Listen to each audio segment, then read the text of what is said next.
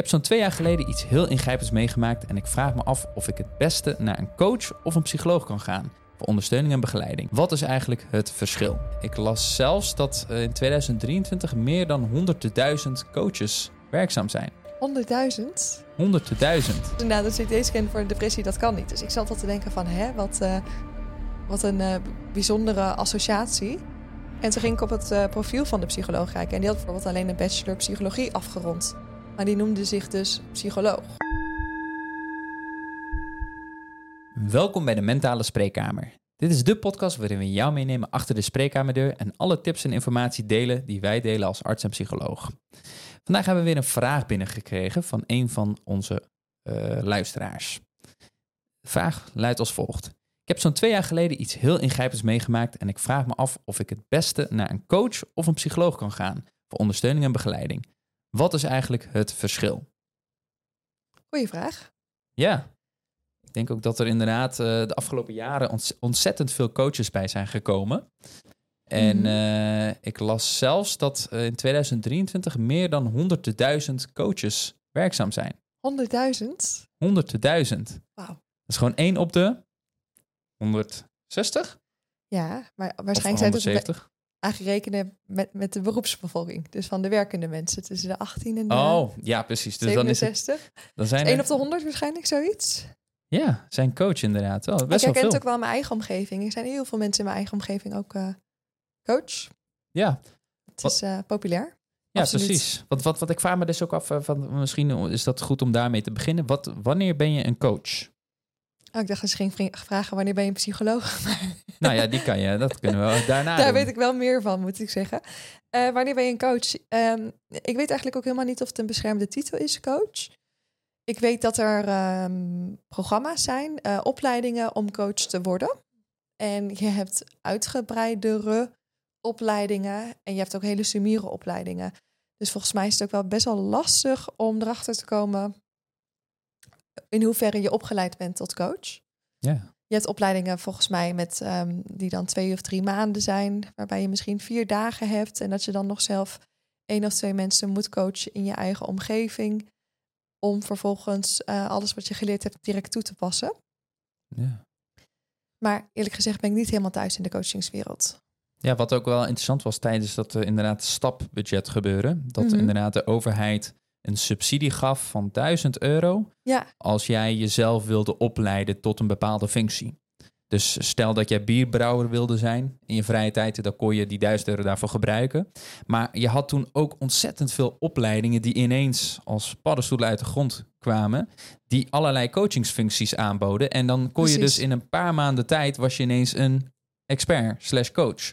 ja, ja. Dus dat, dat is wat je bedoelt inderdaad. Dat het, er zijn ontzettend goede coaches. Die heb je absoluut. Absoluut. En er zijn een aantal coaches die zeg maar met een paar maanden opleiding de expertfunctie willen vervullen. En dat, dan is een beetje de vraag van, hey, is dat wel een goede coach of niet?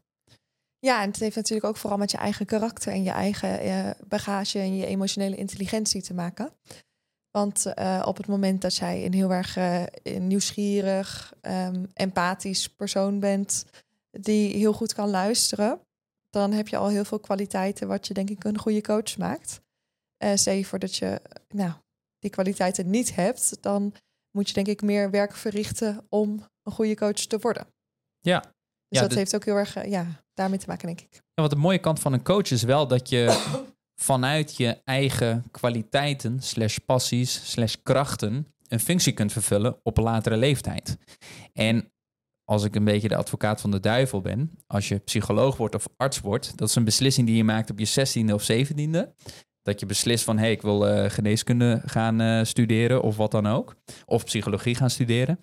Dan zou het kunnen zijn dat je gedurende de jaren toch erachter komt dat je misschien of niet sociaal bent, of weinig feeling hebt met mensen, of weinig feeling met het vak hebt. En dan kan ik me voorstellen dat je dan ook mensen hebt met een experttitel als arts of psycholoog, die dan een vak verrichten wat eigenlijk niet helemaal een passie is. Dus om een groot voordeel van coaches uh, aan te drukken, uh, is, is wel dat dat vaak mensen zijn die echt een passie hebben voor het onderwerp en dan al in daarover gaan. En dat op een latere leeftijd hebben besloten om dat te doen. En dat je als expert misschien dat op 17-jarige leeftijd misschien niet zo goed weet of je daar goed in bent. Mm -hmm. Alhoewel ik wel in mijn omgeving de artsen en psychologen die ik ken, die zijn ontzettend goed in hun vak. Dus uh, het is meer hypothetisch gezien. En jij ook absoluut. Ik was je aan het aankijken van, is dit een hint? Nee, nee, nee, absoluut niet. Absoluut niet. Nee, ik wilde gewoon meer ook, ook duidelijk maken, want, want het kan een beetje, want de coaches zijn heel negatief in het nieuws gekomen de afgelopen jaren. Uh, maar ik wil ook gewoon benadrukken dat je als coach ook vaak dingen doet uit passie en uit Absoluut. belangstelling en uit kracht en uit goede ervaringen. En dat je daardoor juist ook hele goede coaches kunt hebben op de markt. Zeker. Het is alleen iets meer in weerwaar. Omdat um, als je bijvoorbeeld kijkt naar een psycholoog, waar ik uh, natuurlijk meer van af weet. Als ik bijvoorbeeld kijk naar mezelf, ik heb 6,5 jaar gestudeerd. Dus op het moment dat. Um, dus dat maakt gewoon dat je heel veel uh, hebt geleerd over hele diverse klachten. En ook hoe klachten met elkaar samenhangen. En hoe de zorg werkt. En hoe bepaalde um, mentale aandoeningen werken op verschillende niveaus ook nog eens. Dus je hebt ontzettend, een ontzettend grote rugzak aan informatie. Vervolgens, ik heb ook in de masteropleiding, nou, ik heb twee jaar stage gelopen. Ik moet zeggen, dat ik was wel wat langer omdat ik twee masters deed. Maar meestal heb je in ieder geval dat je in de bachelor drie tot zes maanden stage loopt. En in de master ook zes tot negen maanden stage loopt. Dus daarmee doe je eigenlijk al heel veel praktijkervaring op in een setting waarbij mensen ook uh, mensen behandelen volgens de wetenschappelijke evidentie en wat effectief is. Dus je hebt eigenlijk al een hele stevige basis aan uh, informatie en kennis over alle dingen die er kunnen spelen op mentaal gezondheidsgebied. En vervolgens heb ik in mijn geval dan, ik heb nu, ik werk nu vijf jaar als psycholoog, gemiddeld uh, 40 uur per week, uh, afgelopen vijf jaar. Dus daarin heb je ook ontzettend veel klinische ervaring ge gekregen over hoe je inderdaad um, die informatie die je allemaal hebt opgedaan tijdens je studie, hoe dat eigenlijk werkt op de persoon die voor je zit. En dan doe je ook veel meer communicatieskills op. En dan kom je erachter van, hey, dit is hoe het boekje het zegt. Maar de persoon die voor mij zit, die heeft eigenlijk een soort van een mengelmoes van klachten. En laat ik dat goed uit elkaar gaan rafelen. En daarin heb ik ook een hele uh, unieke aanpak ontwikkeld om dus zowel het wetenschappelijke en het evidence-based vanuit de opleiding goed mee te nemen. Maar dat ook heel erg specifiek toe te passen op de cliënt die voor me zit. Met alle eh, complexiteiten die daarbij kunnen horen. Ja, ja want dat, dat maakt jou ook, dus om, om waar ik het net over had, over coaches naar psycholoog te trekken. De ene psycholoog is de andere psycholoog niet. Dus als je bijvoorbeeld ook naar jou kijkt, om jou even als voorbeeld te noemen. Je hebt, je hebt meerdere wetenschappelijke publicaties gepubliceerd. Dus zelf artikels, wetenschappelijk onderzoek gedaan en artikels geschreven. Je hebt neurowetenschappen gestudeerd, dus je weet eigenlijk alles over het brein. Um, je hebt jarenlang ook in de specialistische GGZ gewerkt. Mm corrigeer me als ik iets mis. Maar dat maakt jou natuurlijk wel een andere psycholoog dan een psycholoog die een bachelor master heeft gedaan en daarna is gaan werken met, bij de basis GGZ en alleen maar angststoornissen heeft behandeld. Want zo'n iemand is voornamelijk gericht op van hey, ik ben protocolair aan het werk, maar als je daar buiten gaat kijken, ja, kan zo'n iemand niet vragen wat voor hersenstructuren ten grondslag liggen bij een bepaald psychische stoornis. Of mhm. wat de wetenschappelijke evidence daarachter is, waar jij wel je kracht in hebt zitten. Dus dat, dat maakt het ook wel heel mooi dat je de functiepsycholoog, dat de ene psycholoog echt heel breed georiënteerd is en de andere psycholoog is voornamelijk gespitst op één onderdeel. Ja, dus daarin zit ook absoluut veel variatie. En dat herken ik ook wel inderdaad. En ik, eh, mijn kracht zit er vooral in, in dat ik heel goed uh, ben in als verschillende klachten overlap hebben of van hey, als iets niet werkt, dat ik heel erg ga nadenken van hey, waarom werkt het niet? Soms ligt het in de methode, soms ligt het in de klik, soms ligt het in de timing. En soms is het ook gewoon omdat het aardig complex is en dat je dus eigenlijk creatief out of the box moet denken. En dat ik vanuit verschillende brillen, vanuit verschillende visies naar klachten of naar een persoon kan kijken. Ja. En dan ook de manier waarop je met mensen samenwerkt. Ik vind het heel erg belangrijk om te werken vanuit een soort van gemeenschappelijke klik. Dus um, dat is ook denk ik mijn kracht. Dat ik ook heel, heel, erg betrokken voel bij mijn cliënten. En dat ik ze echt heel graag wil helpen vanuit een soort van ja, gemeenschappelijke klik. En van hé, hey, wij gaan dit samen aan. Ja, dus je een soort van hybride aanpak. Want wat ons eigenlijk, in, uh, ik, ik, ik, denk dat ik ook voor de psychologen kan uh, spreken.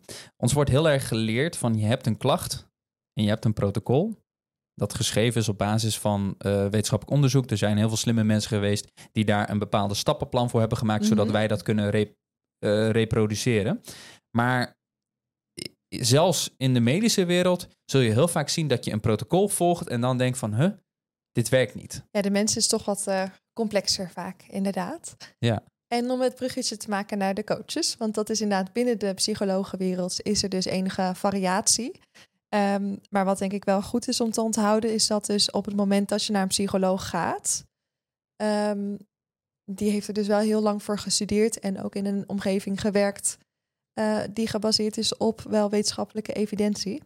Dus de kans dat je een goede psycholoog treft, is denk ik aardig hoog. Ja, ja precies. Dus, dus het is een hogere kans dat je kwaliteit treft, inderdaad. Maar goed, dat neemt niet weg dat je ook een psycholoog kan treffen waar je geen klik mee hebt. Die jou niet kan helpen, die niet breed kan denken. Dus dat kan ook. Het is geen garantie in ieder geval. Nee. En ik denk ook bij coaches, uh, wat misschien ook goed is om naar te kijken, is of iemand is aangesloten bij bijvoorbeeld een beroepsvereniging. Want dat zijn mhm. dus partijen die dus toezicht houden op de coach. En toezicht houden of ze een bepaalde certificaat of x aantal uren of x aantal dagen of jaren opleiding hebben gehad om hun beroep te mogen uitvoeren of uitoefenen. Want volgens mij is coach ook niet een beschermde titel. Je, zeg maar, volgens mij mag ik mijzelf ook een coach noemen. Ja, het is niet beschermd inderdaad. Ja, dus, dus, dus, dus zelfs, de, zelfs een, een timmerman die bijvoorbeeld van de trap is gevallen, pijn heeft aan de knie, vervolgens die pijn heeft overwonnen, kan zichzelf een kniecoach noemen. Sorry dat ik je stoor. Uit onze statistieken blijkt namelijk dat 80% van al onze luisteraars nog niet geabonneerd is. Terwijl dit gratis is en ons enorm helpt. Dus mocht je deze podcast interessant vinden en willen ondersteunen, pauzeer dan deze podcast, abonneer je op ons kanaal en laat een duimpje of sterren achter. Dit motiveert ons om door te gaan en zorgt ervoor dat we elke week op zondag om 12 uur een nieuwe aflevering kunnen opnemen. We gaan weer verder met de podcast. Ja, dus dat maakt het wel lastig, denk ik, voor, voor, voor Jan en Alleman, die dan denken van, hé, hey, ik wil hulp, maar bij wie moet ik nou zijn? Ja, en dat is dus ook gelijk het lastige van psycholoog, want psycholoog is dus ook geen beschermde titel. Maar op het moment dat je GZ-psycholoog bent of klinisch psycholoog bent, dan is het wel weer een beschermde titel. Dus ik zie ook wel eens bijvoorbeeld op ehm, Instagram, bijvoorbeeld influencers die zichzelf dan, die dan een filmpje hebben. En volgens mij was er laatst één iemand die had een video over dat ehm, de GGZ faalde omdat ze bij een depressie een CT-scan maken en op basis daarvan een of ander protocolletje afwerken. En ik zat te denken van, hè, CT-scan voor MRI, dat kan helemaal niet. Een CT-scan voor depressie. Uh, sorry, een CT-scan voor depressie, dat kan helemaal niet. Ja, CT-scan voor de MRI, dat kan ook niet. Maar nee, het zou wat zijn. mijn punt was inderdaad, een CT-scan voor depressie, dat kan niet. Dus ik zat al te denken van, hè, wat, uh, wat een bijzondere associatie. En toen ging ik op het profiel van de psycholoog kijken. En die had bijvoorbeeld alleen een bachelor psychologie afgerond. Maar die noemde zich dus psycholoog. Ja. En dat is ook iets wat dan heel erg verwarrend, denk ik, kan zijn voor uh, cliënten. Van hé, hey, wanneer ben je nou eigenlijk psycholoog? En je bent dus pas psycholoog als je een bachelor en een master hebt afgerond. Dan ben je pas officieel een psycholoog. Omdat in de master, daarin krijg je je praktijkervaring. Dus op het moment dat je dat mist, dan, dan is het ook heel moeilijk, denk ik, om een oordeel te hebben over de GGZ. Want je hebt nog nooit in de GGZ gewerkt. En we zijn soms wat negatief over de GGZ, soms terecht, maar soms ook zeker onterecht. Ja. En um, het is heel moeilijk om denk ik een systeem af te branden wat je niet goed kent. Precies. Of want, waar je niet in gewerkt hebt, want het heeft ook positieve kanten. Want eigenlijk alle mensen die binnen de GGZ werken, hebben daar kwalificaties voor gehad. Die hebben jarenlang gestudeerd. Die hebben daar papieren voor nodig gehad. Dus je kan daar niet als, als, als ex-timmerman rondlopen en zeggen van... hé, hey, ik ga even jouw depressie aanpakken. Dat kan helemaal niet binnen de GGZ. Maar in de, in de grote, wijde wereld kan je wel gewoon jezelf psycholoog noemen... en depressies behandelen, terwijl je alleen maar twee, drie jaar in een boek hebt gelezen en toevallig weet dat depressie een mentale klacht is en dat je daar een bepaalde behandeling hebt, maar je hebt nul ervaring daarin. Dus dat is best wel een, een, een kwalijke slash gevaarlijke ontwikkeling, zou ik bijna denken. Want dat betekent dus dat de mensen met geen ervaring zomaar mensen met psychische klachten, wat, wat echt zwaar weegt. Een psychische klacht is niet een, een kniepijn. Uh, psychische klachten is meer dan dat. Dus dat betekent dat mensen zonder ervaring gewoon mensen met psychische klachten kunnen behandelen.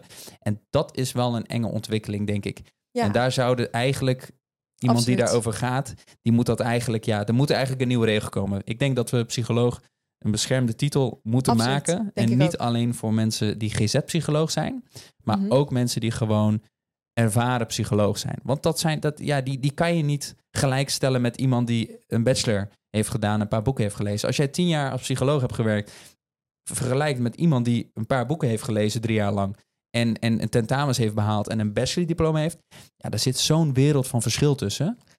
Ja, precies, precies. Dus dat, eh, en en als hij, hij of zij zich coach had genoemd, dan had ik gedacht van, oh, nou je bent coach, maar je hebt wel affiniteit met psychologie. Je kan iets breder kijken dan de gemiddelde coach, omdat je dus wel meer ehm, informatie hebt gekregen over verschillende ziektebeelden.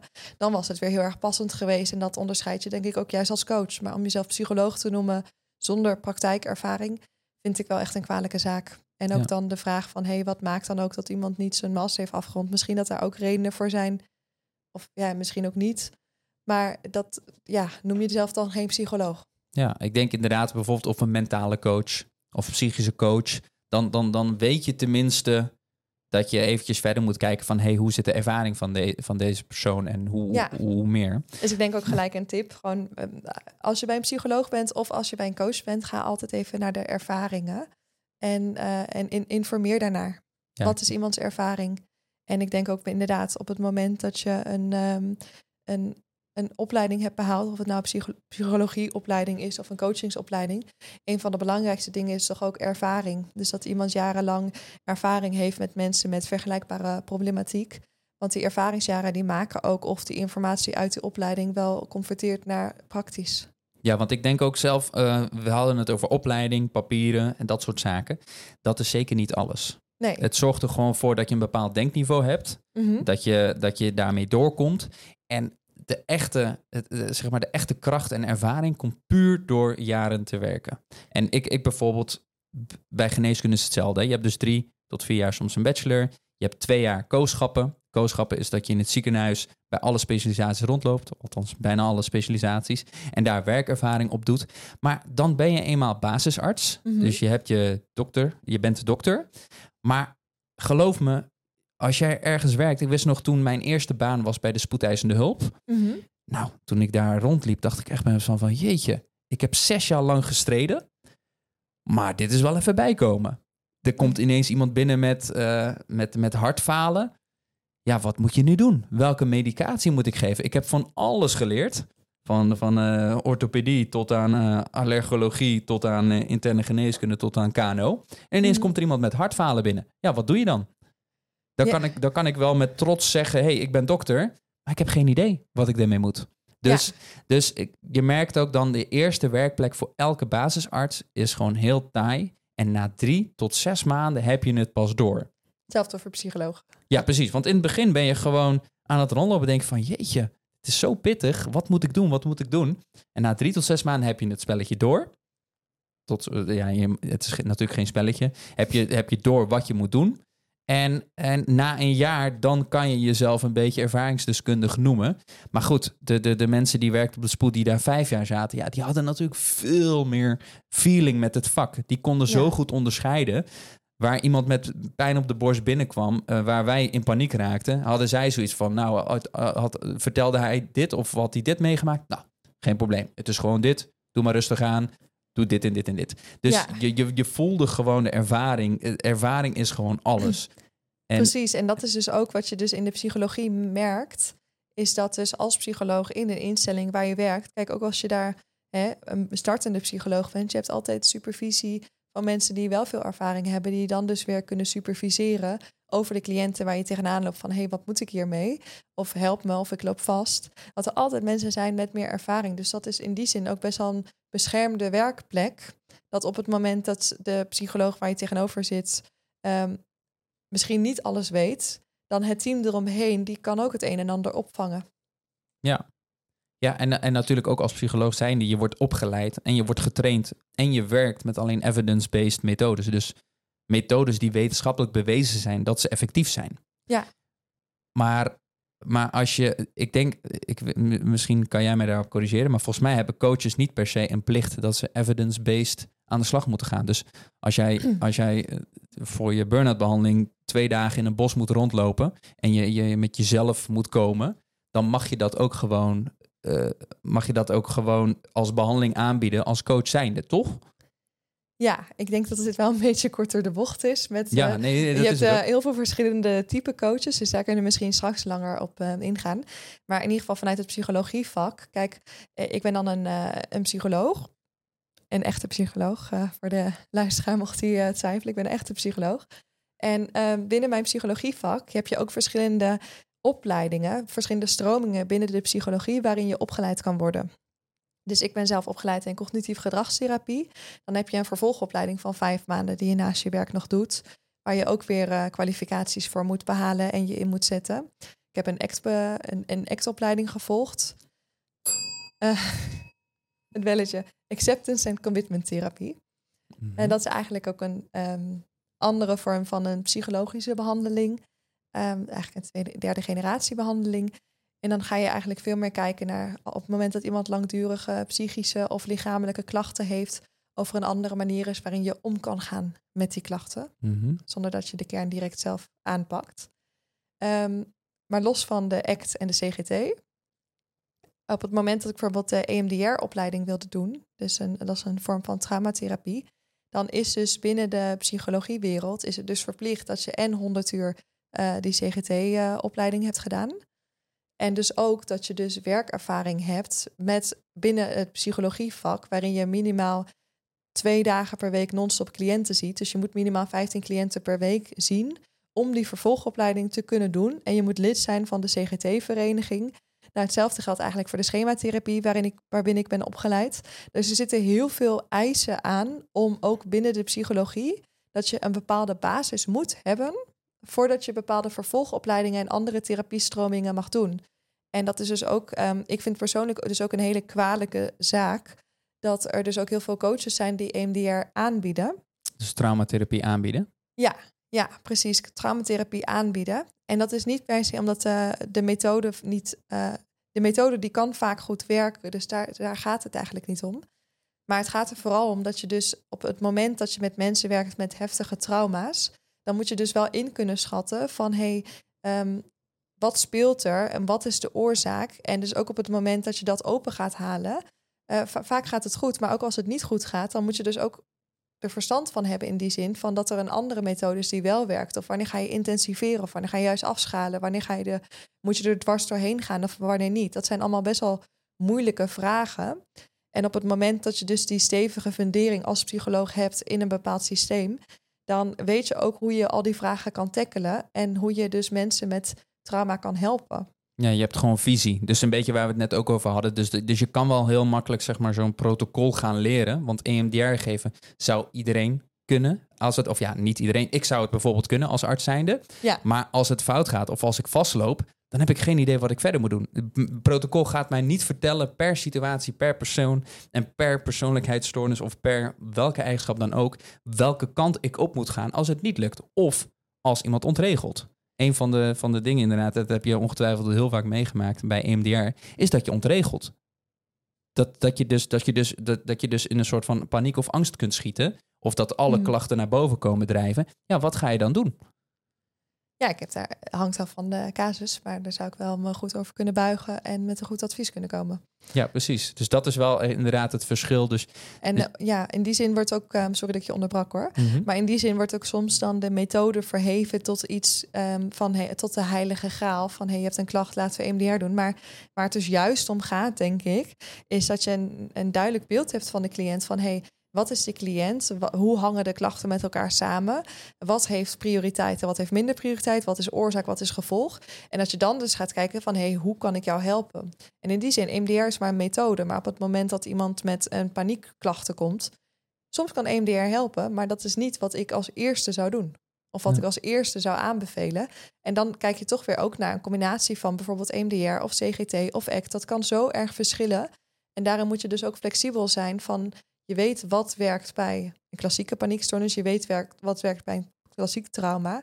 Maar op het moment dat er meer klachten door elkaar lopen... of op het moment dat bepaalde klachten heftiger zijn... dat je daar ook een soort van orde in aan kan brengen. Orde in de chaos. Ja, ja, en dat is nu natuurlijk ook met de, met de opkomst van alle social media creators gaat het natuurlijk steeds meer voorkomen. Dat er allemaal experts eh, opkomen, opkomen, uh, opkomen als het ware. En, en ja, wat zou eigenlijk onze conclusie zijn? Ik denk, wat ik denk zelf, coaches zijn perfect voor doelen behalen. Ja. En... Praktisch zijn ze, dus daar zijn ze echt krachtig in. Want, want wij kunnen, zeg maar, vanuit onze expertise zijn, voor, we zijn voornamelijk heel pathologie slash probleemgericht. Van hoe lossen we je probleem op? Ja. Maar daarna moet je het een beetje zelf doen. Ja, dus, dus inderdaad, traditioneel gezien is de psychologie en de geneeskunst uh, ongetwijfeld hetzelfde is eigenlijk het afkomen van je klachten. Ja. Het repareren van je klachten. Dus het weghalen van de ziekte, om het zo maar te zeggen. Ehm, maar eh, ja, ik denk ook in het speelveld van coaches. Kijk, coaches zijn er officieel voor bedoeld voor ehm, psychisch gezonde mensen die bepaalde doelen willen behalen of bepaalde visie of kijken van hé, hey, waar wil ik naartoe in mijn leven? En dat je dan dus het maximale haalt eigenlijk uit je leven. Dus je bent psychisch gezond, maar je wil iets meer of je wil iets anders. En dat de coach je daarin heel goed kan begeleiden van hey, wat is dat dan wat je mist of wat je zoekt? En dan kan dan vanuit verschillende visies. Het kan bijvoorbeeld een rouwcoach zijn op het moment dat je iets heftigs hebt meegemaakt of iemand verloren bent. Of je hebt leefstijlcoaches die dus meer die basis gaan verstevigen. Of wordt een slaapcoach die kijkt van hey, uh, je slaapt slecht. Um, hoe kunnen we je slaap verbeteren? Maar wat is het, wat ik persoonlijk dus het enge vind, is dat met die um, nou, wildgroei aan coaches, als ik het zo mag zeggen. Met die honderdduizend coaches, die houden zich dus tegenwoordig niet meer alleen bezig met psychisch gezonde mensen die meer uit hun leven willen halen. Maar die fungeren ook steeds meer op het gebied van mentale klachten. En mentale klachten, dat is dus eigenlijk echt het gebied van de psycholoog, omdat je daarvoor dus evidence-based behandelingen hebt. Dus op het moment dat jij een paniekstoornis hebt, op het moment dat jij depressief bent, op het moment dat jij traumaklachten hebt, dat zijn allerlei type klachten, wat echt het speelveld is van de psycholoog en waar de psycholoog als het goed is veel verstand van heeft. En ik denk vooral in die groep, dat op het moment dat een coach zich in dat speelveld bevindt, dat het spannend kan worden. Want wat moet je nou doen met iemand die en burn-out klachten heeft en traumaklachten heeft en somber is? Wat voor een advies geef je iemand? En persoonlijkheidsproblematiek heeft. Ja, dat kom ik ook vaak tegen. En dat is dus ook uh, ja, dat, dat is echt lastig. Want ook bijvoorbeeld, ik, uh, ik, als, ik, ik heb voornamelijk ervaring in de huisartsgeneeskunde. Mm En ook op de spoed natuurlijk. Maar ja, mensen met persoonlijkheidsproblematiek. Tuurlijk, we hebben vanuit de psychiatrie daar wel wat over geleerd. Maar hoe je iemand bijvoorbeeld uh, met borderline moet benaderen. Of iemand met, uh, noem maar wat, antisociale trekken. Ik noem het maar even wat. Ja, om eerlijk te zijn, we behandelen ze allemaal ongeveer hetzelfde. We hebben daar gewoon niet de ervaring voor om, om, om, om daar adequaat zeg maar, mee om te gaan. Of om, om te kunnen schakelen van, oh, nou, je bent inderdaad, je persoonlijkheid is zo, dus we moeten je zo behandelen. We zijn eigenlijk bij iedereen hetzelfde. En dat komt omdat wij niet dagelijks uren maken met, met, die, met, met, met, met, met mensen met dat soort problematiek. Ja. En mensen in de psychiatrie of psychologie, die doen dat wel. Ja, ja. Dus zelfs als arts met dus nu eigenlijk meer dan tien jaar ervaring in het veld, kan ik nog niet zeggen van, hé, hey, ik kan uh, mensen nu bijvoorbeeld met depressies uh, zelfstandig behandelen. Want dat is gewoon niet mijn werkveld geweest. Ik mhm. kan wel een medisch aspect of een medicamenteuze aspect, daar weet ik wel heel veel van. Maar echt zeg maar, als je echt in de, in de mentale gezondheid zit, psychologie wilt behandelen, dan moet je echt bij een psycholoog zijn. En ook daarin heb je variatie. Dus wat, je, wat, wat voor psycholoog je dan benadert. Ja, ja, zeker.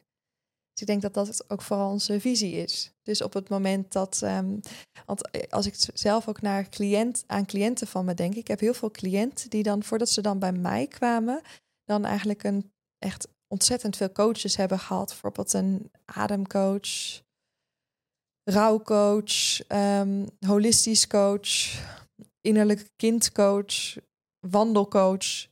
Eigenlijk ontzettend veel type coaches.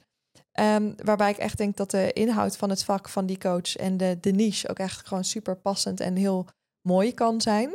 Uh, mits het dus bij de juiste doelgroep toegepast wordt. Maar de cliënten die ik dan zag, um, dan denk ik ook soms van, oeh, er zitten toch wel echt soms forse psychische klachten waarbij er echt meer nodig is. En op het moment dat jij dus als coach iemand um, in behandeling hebt, of ik weet niet of je het behandeling noemt, maar als je iemand in behandeling hebt met uh, forse psychische klachten, dan kan je dus ook soms verkeerd advies geven.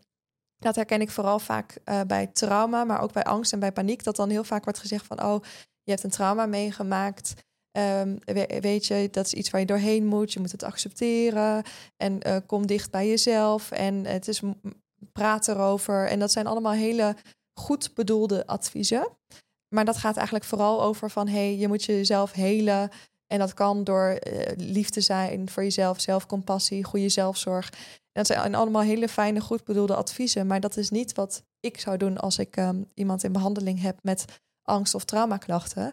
Want dan is het gewoon letterlijk van nee, je moet niet vermijden. We moeten er nu dwars doorheen. En ik ga je daarmee helpen om dat te doen. Ja. Dus jullie pakken echt de, de wortel aan. Ja, En, en ja, daar, daar moet je ook zitten. Je wil het behandelen. Je wil Ja. niet kijken van... hey, hoe kan ik mijn klacht zo goed mogelijk vermijden... zodat ik over tien jaar precies tegen hetzelfde aanloop... precies. maar dan wel meer zelfcompassie heb of wat dan ook. Ja, en dat voelt heel erg contra-intuïtief. Dus ook al soms als ik, zeker met eh, traumabehandelingen, ook met angstbehandelingen, het voelt heel erg contra-intuïtief om te zeggen van, hé, hey, iemand is in paniek, iemand is angstig, iemand heeft last van herbeleving. Het voelt heel erg, ehm, nou, ik zou niet zeggen slecht, maar contra-intuïtief om dan te zeggen van, en nu gaan we doorpakken. En als het zwaar is, dan ga ik in plaats van één keer in de week gaan we het intensiveren, gaan we twee keer in de week behandelen. En het ijzer smeden als het heet is, dat voelt heel gek. Want Ja. je, iemand is in paniek, iemand is angstig. Dat voel je natuurlijk ook als eh, psycholoog.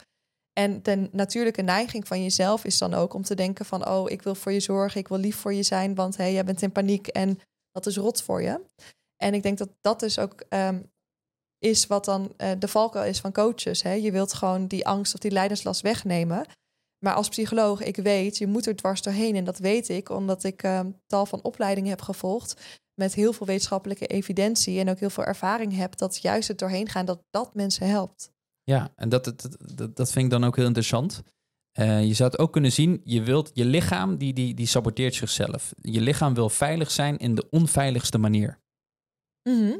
En wat ik daarmee bedoel is dat jouw lichaam eigenlijk een soort van veiligheid wil creëren. En, en denkt van, hé, hey, laat me met rust. Het is te spannend. Ik heb angst. Ik moet weglopen. Ja, Maar dat is de onveiligste manier. Het voelt voor jou veilig om, om een schild op te zetten. Maar dat is juist onveilig, want daarmee hou je het probleem in stand. Jouw lichaam wil die comfort. Jouw lichaam wil helemaal niet dat, dat die angst wordt aangepakt. Het klinkt heel contra-intuïtief wat je zegt, maar daar zit wel vaak het probleem. Zeker, zeker. En ook precies wat je zegt, dat is ook wat ik heel vaak dus meemaak. En dat is, heeft er ook mee te maken, kijk, op het moment dat een situatie voor jou moeilijk of lastig is, op de korte termijn is het vermijden is super belonend. Op het moment dat ik, ehm, ehm, nou, als even mijn rijangst nemen. Kijk, als jij nu tegen mij zegt, we gaan nu eh, de, de auto in. Nou, dan word ik een beetje angstig, vind ik een beetje spannend. En dan heb ik zoiets van, nee, nee, nee, dat wil ik niet. En dan ga ik dus vermijden. En op de korte termijn is dat super belonend. Want nu hoef ik niet in de auto. Dan eh hou ik mijn hartslag een beetje onder controle. Dat soort zaken. Maar op de lange termijn betekent dat dus wel... dat je dus nooit leert om over die rijangst heen te komen. En dat er gewoon niks gaat gebeuren. Dus je moet er doorheen. En nu hebben we het over iets... ehm, nou, ik, wil zeggen iets kleins. Maar dat is omdat het voor mij klein voelt. Iets kleins als rijangst. Maar stel je voor dat ik straks in een, ehm, in een dorp woon... ver weg van de bewoonde wereld... En als ik dan nog steeds rijangst eh, zou hebben, dan zou dat dus ook betekenen dat ik niet meer naar vrienden kan gaan, dat ik niet meer naar familie kan gaan, dat ik opgesloten zit. Dus dan wordt die last eigenlijk heel groot. En als je dan nog luistert naar dat vermijdingsgedrag, dan kan je dus eigenlijk een heel ongelukkig leven voor jezelf creëren, omdat niemand jou helpt om door die rijangst heen te gaan. Ja, ja nee, helemaal mee eens. Dus eigenlijk in een notendop, ik denk, eh, ik probeer het eventjes zo goed mogelijk samen te vatten. Coaches zijn perfect eh, als ze ervaren zijn, als ze het doen vanuit passie. En ik neem aan dat de meeste coaches dat gewoon doen, Absoluut. bijna allemaal. Maar dat is meer voor de gezonde mensen. Ja. Als jij fysiek of mentaal klachten hebt, dus psychische klachten, of er iets mankeert aan je lichaam, ga dan eerst naar een professional. Naar, een huis, naar je huisarts, of een andere arts, of naar een psycholoog. En als die partijen je klachten hebben uitgesloten dat het niet iets ernstigs is, of dat zij jou niet daarmee kunnen helpen, dan kun je gewoon gerust naar een coach gaan, mentor of wie dan ook.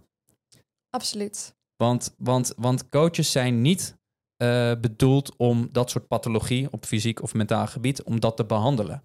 Daar moet je, dat, dat, dat leer je niet in een paar maanden. Dat is gewoon jarenlang ervaring. Daar moet je veel meer voor hebben. En, en als dat allemaal uitgesloten is door de experts, dan kun je naar een coach gaan. En ik denk dat dat, dat op zich een hele krachtige en, en fijne ontwikkeling is, dat er heel veel coaches zijn. Want als je uitbehandeld bent, bijvoorbeeld bij de specialist of bij de psycholoog, dat je dan naar een coach kan. Ja, is ook heel hoopgevend. Het kan je heel veel kracht geven als, als persoon. Het, het, het, ja, het heeft heel veel voordelen ook.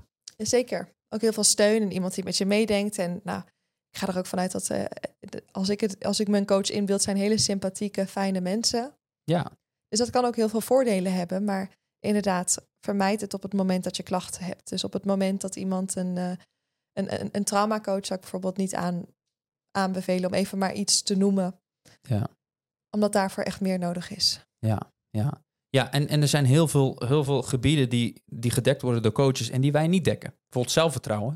Vind ik een prachtig, prachtig, prachtig coachgebied. Omdat ja, als arts en als psycholoog gaan wij daar niet heel veel tijd voor kunnen maken om jouw zelfvertrouwen op te krikken. Maar als je daar een persoon voor hebt die daarin gespecialiseerd is, ja, ga daar alsjeblieft naartoe. Ja. Dat, dat is dat, dat, soort. Dat soort daar, daar, daarom vind ik het een hele positieve ontwikkeling. Maar eh, blijf wel uit het werkveld van eh, inderdaad pathologie op eh, psychisch Precies. en lichamelijk gebied. Ja, precies. Dus dat zijn hele mooie voorbeelden. Rouwcoach vind ik voor het ook zoiets dat ik denk van, nou, dat vind ik echt een super mooie aanvulling op elkaar. Moet ik zeggen over het gebied van zelfvertrouwen, je hebt wel een evidence-based behandeling, maar die zetten we niet zo heel vaak in Ja. voor, eh, voor je zelfbeeld eigenlijk. Dat is iets anders dan zelfvertrouwen. Maar Precies, eh, maar dan is het ook de vraag van, ben je daar elke dag een paar uur mee bezig? Waarschijnlijk niet, omdat je Nee. waarschijnlijk heel veel andere eh, taken ook hebt. Dus alsnog zou je dat gewoon ook heel goed bij een coach kunnen doen. Eh, eventjes kijken naar de vraag. Hebben we die beantwoord? Wat is het verschil tussen een coach en psycholoog? Ik denk het wel. Ik denk het ook. Ehm, en wat ik me dan nog wel zou aanvullen van, ehm, ik heb iets ingrijpends meegemaakt. Dus op het, ehm, en daarom ging ik ook net aan op dat stukje trauma. Dus op het moment dat daar een trauma aan onderliggend is, dan zou ik je dus wel adviseren om contact op te nemen met een professional. Dus of het kan bij ons, dat je de vraag bij ons neerlegt van, hey, ik heb dit meegemaakt en dit zijn mijn klachten. Dat wij even specifiek met je mee kunnen denken. Of je kan natuurlijk altijd naar de huisarts gaan, dat die objectief met je mee kan denken. Ja, helemaal mee eens. Dus inderdaad, als je de luisteraar bent of als je thuis zit en denkt van... hé, hey, ik heb psychische klachten, ik heb depressie, ik, heb, eh, ik, heb, ik ben hyperalert, ik kan slecht slapen. Al, al die psychische klachten, daar kun je dus ook gewoon bij ons voor terecht. Aisha heeft een gratis spreekuur, waar je dus gratis eh, met je klacht kan komen. Daar kan zij meedenken of, ze, of zij jou kan helpen of dat iemand anders met jou mee kan denken. En eh, mocht, het, eh, mocht het wat kleinere problematiek zijn, kun je natuurlijk ook altijd naar je huisarts toe gaan. Dus mocht je Aisha willen spreken voor jouw psychische klachten, omdat het misschien bijvoorbeeld complexer is, dan kan dat op www.christenaisha.nl slash bellen. En daar kun je dus vrijblijvend een gratis oriëntatiegesprek inplannen. En een groot voordeel is, op dit moment heb ik geen wachtlijst.